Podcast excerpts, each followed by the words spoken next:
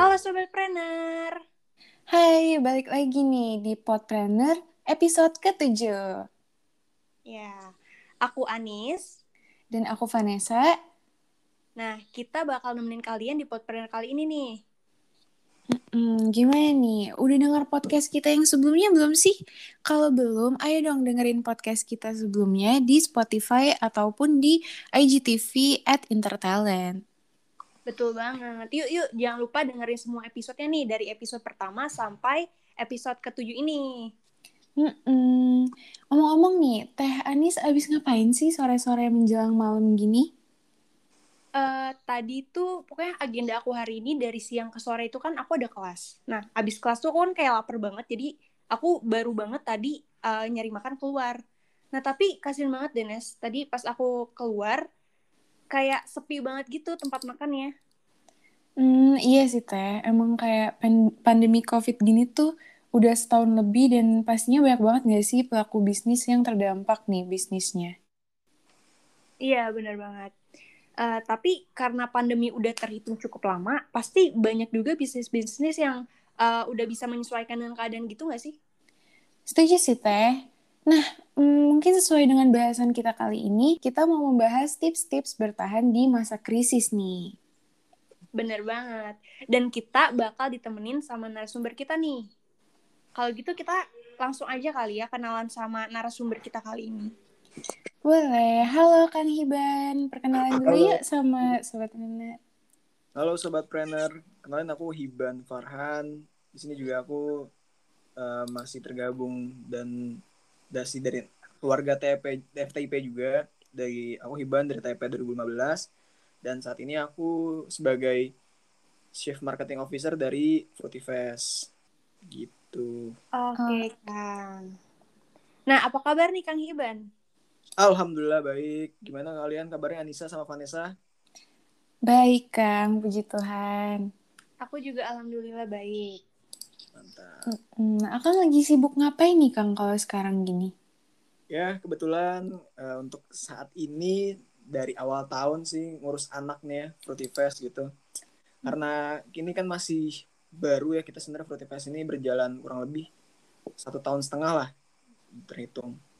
Jadi memang lagi proses buat ningkatin branding sama eksistensi dari Fruity Fest ini sendiri sih karena ya kita tergolong baru dan masih muda-muda nih yang megangnya masih alumni FTIP kebanyakan yang di sini mm. gitu oke okay. uh, eh, kalaupun tergolong baru kalau aku cek IG-nya followersnya udah lumayan ya kang udah enam ribuan uh, bener sih udah lumayan jadi karena ini kan sebelumnya kita rebranding kalian pernah dengar nggak soal namanya uh, brand namanya Mango Day uh, Oh dari aku aku belum deh kang. Belum aku ya? juga ya. belum. Jadi itu singkat ceritanya kita dulu Mango Day terus uh, rebranding 2020 jadi Fest gitu. Jadi memang uh, kalau Mango Day sendiri udah lumayan lama sih dari 2018 jadi cukup uh, ini makanya mungkin followersnya uh, bisa dibilang cukup banyak gitu. Tapi memang itu menurut kita masih sedikit sih. Memang kita lagi struggling buat nambahin followers lagi nih. Udah pada follow belum? OTW Kang. OTW juga. Mantap. Jangan lupa di follow ya. Bener banget. Ayo Sobat Trainer juga nih, boleh banget promosi, langsung promosi. cek IG-nya. Fruitifest ya, Kang? Nama IG-nya? At F R U T I V E Z. Oke, okay, yuk okay. kita langsung follow. Let's go. Nah, tapi nih Kang, kan tadi Akang udah jelasin nih kayak tentang bisnis Fruitifest-nya sendiri. Tapi aku masih penasaran tentang apa sih Kang um, bisnis Fruitifest ini? Oke, okay. jadi Fruitifest ini lengkapnya Fruitifest Fruit Strips gitu. Jadi kita memproduksi dan menjual fruit strips. Kalian sendiri udah pernah dengar soal fruit strips belum? Belum, Kang. Belum ya? Kalau aku udah dan kalau nggak salah aku udah pernah nyobain di Kang di tahun 2019 sempat ada di uh, jualannya FT Fair kalau nggak salah. Aku udah oh, pernah nyoba. Mantap, wow. mantap. Jadi untuk fruit strips sendiri jadi dia olahan buah yang base-nya dari bubur buah atau puree terus dikeringin jadi setipis kayak kertas atau nori lah gitu jadi simpelnya simpelnya sih kayak nori tapi dari buah gitu. Hmm. nah dan dari Fruitifast ini memang value nya kita memang nggak pakai bahan tambahan mau itu gula ataupun warna dan aditives lainnya lah. Dan juga sama kita itu memang uh, simple sih packagingnya. Jadi bisa dibawa kapan aja. Jadi maksudnya ini biar orang bisa makan buah tanpa ribet dan bisa di mana aja dan kapan aja. Gitu wah keren banget kang. Eh bener keren banget nih. Uh, kalau gitu mau tahu dong kang uh, kira-kira apa sih latar belakang dari terbentuknya Fruity Fest? Oke. Okay. kalau ditarik uh, benangnya dari ke belakang nih soal perjalanan Fruity Fest kita ini awalnya dari founder aku Kang Rijaldi dia alumni FTIP juga dari tim 2014 awalnya tuh ini kita dari bisa dibilang skripsi sih skripsinya dia gitu jadi awalnya dia mau bikin produk olahan baru yang basicnya dari buah mangga mangga gedung incu itu biar di buah mangga gedung incu ini kan bisa dibilang banyak kalau misalkan di da beberapa daerah kayak Majalengka dan Cirebon ini banyak yang terbuang sia-sia aja atau off grade gitu jadi istilahnya. Nah dia ingin coba uh, konversi buah-buah yang off grade barusan jadi produk yang punya nilai jual dan bisa bikin menarik orang lah gitu istilahnya. Nah oleh dari situ, nah dia coba beberapa kali R&D trial and error dari uh, buah mangga ini jadi makanya dari 2018 baru terbentuk tuh fruit strips dari Mango Day itu. Setelah dari situ ya berjalannya waktu kita alhamdulillah juga dapat beberapa pendanaan dari dan menang lomba juga yang memang akhirnya menegaskan kita harus serius nih dari bisnis ini nih atau menjalankan bisnis ini. Nah, akhirnya nanti di 2020 kita rebranding lah dari Mango Day jadi Fruity Fest karena aneh juga gitu misalkan kita namanya Mango Day tapi kita ada varian kayak buah buah pisang, buah buah lain-lainnya gitu. Jadi kita, kita akhirnya di 2020 bulan Februari kita ini rebranding di Fruity Fest dan sekarang Fruity Fest sendiri masih uh, tergolong muda gitu. Dengan kita juga masih varian produk kita masih sedikit kurang lebih ada 4 sampai 5 varian saat ini. Jadi ya semoga untuk ke depannya terus bisa berkembang lah. Seperti itu. Oh. Wah. Keren banget ya, Nes. Keren banget, Teh. Berarti... Uh, apa tuh, Nes? Berarti dimulai dari skripsi ya, Kang? Dari skripsi yang pengen nge apa namanya ngemanfaatin buah-buahan off grade gitu jadi bahan pangan yang bisa dimakan gitu ya. Betul. Pangan fungsional. Mm -mm. Oke. Okay. Uh, kira-kira ada niatan untuk mengekspansi produk gitu nggak Kang untuk Fruity Fest ini? Pasti pasti karena kan kita tuh sebenarnya lebih banyaknya buah-buah buah-buah endemik juga nih ya kayak bangga gendung gincu terus pisang. Saat ini kan kita ada empat variannya pisang mangga terus pine paya atau pineapple papaya. Yang terakhir sama vanilla banana vanilla. Nah kan sebenarnya itu bisa dibilang buah-buah tropis juga ya. Di beberapa negara subtropis juga kayak susah banget didapetin. Kayak buah mangga, buah uh, nanas gitu.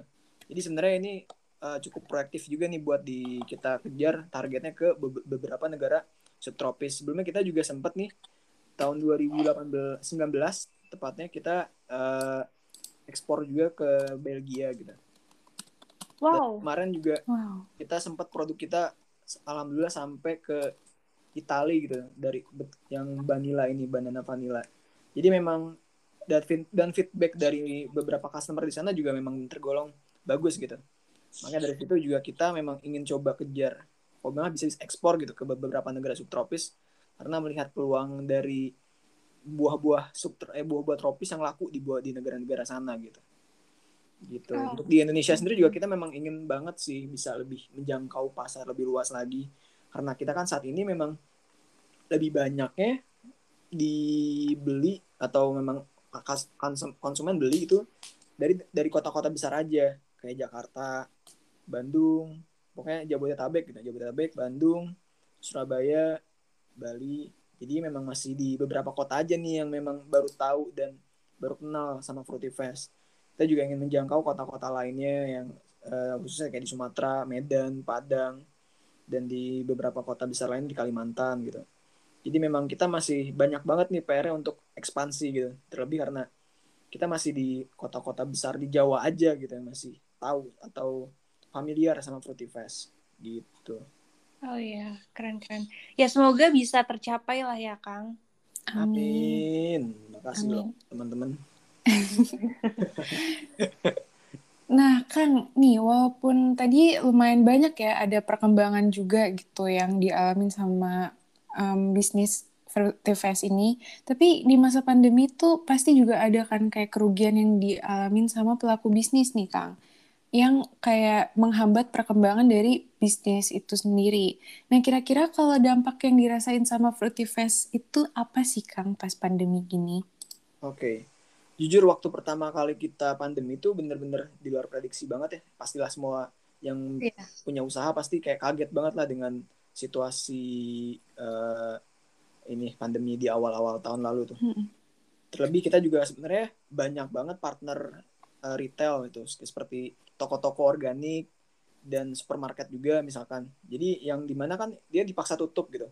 Sementara salah satu sebagian sebagian besar pemasukan kita juga masuknya dari sana. Nah akhirnya di sana kita juga muter bener-bener bener-bener nabrak-nabrakin ide lah gimana nih caranya buat tetap ada pemasukan gitu saat situasi seperti ini. Jadi memang saat pandemi awal bisa dibilang ya revenue dari kita juga turun drastis gitu di bulan Maret itu. Di bulan Maret sampai April lah dua bulan itu kita memang bisa dibilang cukup kebingungan gitu dan masih berusaha adaptasi dengan situasi gitu. Nah dari makanya mulai saat saat dari situ setelah udah berjalan dua bulan kita mulai cari cara atau jalan keluar nih untuk bisa tetap dapetin revenue dan profit gitu di masa pandemi ini. Karena kita juga mikir pasti masa pandemi ini nggak akan nggak akan sebentar gitu. Bisa dibilang lama gitu. Dan memang betul sampai saat ini juga masih berjalan kan. Sampai akhirnya kita dari situ perkuat lah bisa dibilang bisa dibilang branding dari Fruitifast sih karena kita merasa walaupun kita mau punya produk sebagus apa tapi brandingnya kurang jadi percuma gitu seperti itu kurang lebihnya Hmm, Oke, berarti banyak juga ya dampak yang dirasain sama Fruitifast ini sendiri gitu. betul Oke, Ya. oke. Eh, Oke, itu kan kalau eh, pandemi ini ya, Kang. Nah, kira-kira selain dari pandemi COVID ini, bisnis Akang pernah ngalamin kendala dengan dampak yang serupa nggak? Maksudnya kayak di masa krisis lainnya gitu. di masa krisis lainnya ya karena alhamdulillah ya maksudnya di 2019 krisis-krisis yang memang kita alami paling dolarnya naik gitu ya selain selain pandemi gitu paling eh, ini sih mungkin untuk kebanyakan krisis atau bisa dibilang bisa dibilang krisis kali ya. Eh, pada pada pe- pada pebisnis gitu ya mungkin di awal gitu. Saat, saat menjalani bisnis saat memang nggak ada modal nggak ada resource juga dan orang masih sedikit bisa dibilang. Mungkin itu bisa mungkin bisa dikategorikan ya krisis tapi nggak nggak besar gitu ya. Tapi ya itu sih paling kita selain pandemi itu. Di masa-masa awal itu bisa dibilang masa-masa krisis juga gitu karena balik lagi kita kekurangan resource gitu kita masih ber- sedikit bertiga doang segala dikerjain semua sama Hmm. bertiga dan juga keuangan juga belum ada pinjam sana pinjam sini dan cari ngeluarin uang sendiri juga gitu itu sih paling Oke. Eh, berarti kalau buat sekarang kan kita udah setahun lebih nih, Kang. Berarti eh, bisnis dari Fruitifast ini udah bisa terbilang sudah kayak menyesuaikan dengan keadaan gitu nggak, Kang? betul betul bisa dibilang kita untuk saat ini sih udah bisa adaptif ya dengan situasi uh, pandemi ini. Karena kita udah udah nggak ada kaget lagi sih dengan pandemi dari yes dari pertengahan dari bisa dibilang dari dua bulan setelah pandemi di awal ini. Karena kita udah bisa bisa cari jalan keluar dan bisa keluar dari fase bottlenecknya Fruitifast kemarin lah gitu. Dan kita ngelihat juga dari pandemi ini juga toh nggak banyak bisa memberi bisa memberi peluang dan message-message tersendiri lah dalam cara menjual kita gitu. Tapi kan kita cemilan sehat juga. Jadi kita bisa nggak kesulitan lah untuk istilahnya tarik garis lurus antara makanan sehat sama pandemi gitu. Karena pasti bisa dibilang saat pandemi butuh makanan sehat gitu kan. Nah jadi kita bisa, udah mulai dapet jalan tengahnya sih untuk situasi pandemi sekarang. Gitu. Oke, oke, oke. Kan tadi akan ini ya udah bilang tuh kalau selama pandemi ini akan gak terlalu worry karena uh, makanannya juga makanan sehat gitu ya Kang. Tapi kalau boleh tahu nih pasarnya dari Fruitifest ini tuh siapa sih orang-orang yang kayak gimana gitu kalangan apa? Oke. Okay. Jadi untuk pasar Fruitifest sendiri sih sebenarnya masih segmented banget gitu ya, masih jadi tergolong kecil lah. Karena untuk target customer kita tuh memang masih di kalangan menengah ke atas. Terus dia juga pekerja yang punya apa siklus kerja cukup padat gitu. Jadi hmm. dia kesulitan buat nggak ada atau nggak ada waktu buat makan buah gitu. Terus juga ibu-ibu muda yang emang masih baru punya anak dan butuh apa butuh snack lah, butuh snack buat anak-anaknya yang memang ingin sehat juga. Gitu. Paling jadi memang kebanyakan target customer kita tuh pekerja sih. Dan kan memang untuk pekerja-pekerja seperti itu memang kebanyakan di kota-kota besar kan kayak Jabo, Jakarta Bandung pokoknya sekitar Jabod Jabodetabek deh gitu memang kebanyakan uh, customer kita di situ. Dan memang untuk Fruitify sendiri juga untuk di toko uh, offline atau toko organic store gitu kebanyakan di Jakarta justru bukan di Bandung seperti itu Oke. Okay. Berarti Kang kalau untuk produk Fruitifest ini uh, apa ya friendly apa ya namanya aman buat dimakan semua umur lah ya. Iya betul. Kita 2019 juga pernah itu jadi sponsor acara anak balita kalau salah. Wow keren wow. keren. Iya jadi lucu juga sih itu sebenarnya. Cuman ya anak-anak balita juga pada anak TK dan balita tuh waktu itu pada ini juga sih feedbacknya bagus juga buat Fruity Fest. Oke oke mantap banget nih Fruity Fest. nah kalau gitu nih Kang, kan tadi Kang bilang Fruity Fest udah mulai bisa beradaptasi ya Kang di masa pandemi ini. Nah, kalau udah nih, aku pengen tahu apa aja sih tips-tips dari Akang buat para sobat planner yang lagi mau mulai bisnis tapi terhambat atau baru mau mulai bisnis tapi masih takut-takut gitu nih, Kang. Ada tips nggak sih, Kang? Oke, okay. tips ya. Sebenarnya walaupun sebenarnya uh, bisa dibilang tips aku ini juga memang sebenarnya bisa dibilang nggak valid sih, karena kita sendiri juga namanya bisnis ya kadang ada naik, kadang ada turun gitu. Jadi nggak tahu nih ya bisa uh, works atau enggak buat teman-teman sobat planner semua. Hmm. Jadi yang pertama sih kita untuk Potifest itu perkuat branding sih. Karena uh, istilahnya marketing dan branding tuh bisa dibilang hal yang cukup, yang cukup kontras gitu, beda. Marketing kan gimana cara untuk jualan, tapi branding gimana cara orang bisa nginget gitu dari brand kita. Nah, jadi memang tugas kita pertama saat udah menjalani proses marketing ya perkuat branding juga dengan kita memang perkuat value dari Fortify sendiri makanya melalui tagline healthy can be easy karena kita ingin memberi kesan kalau orang makan buah bisa dengan mudah dan simple aja. Yang pertama itu perkuat branding. Yang kedua itu hmm, mungkin lebih mulai banyak manfaatkan ini sih channel-channel online sih.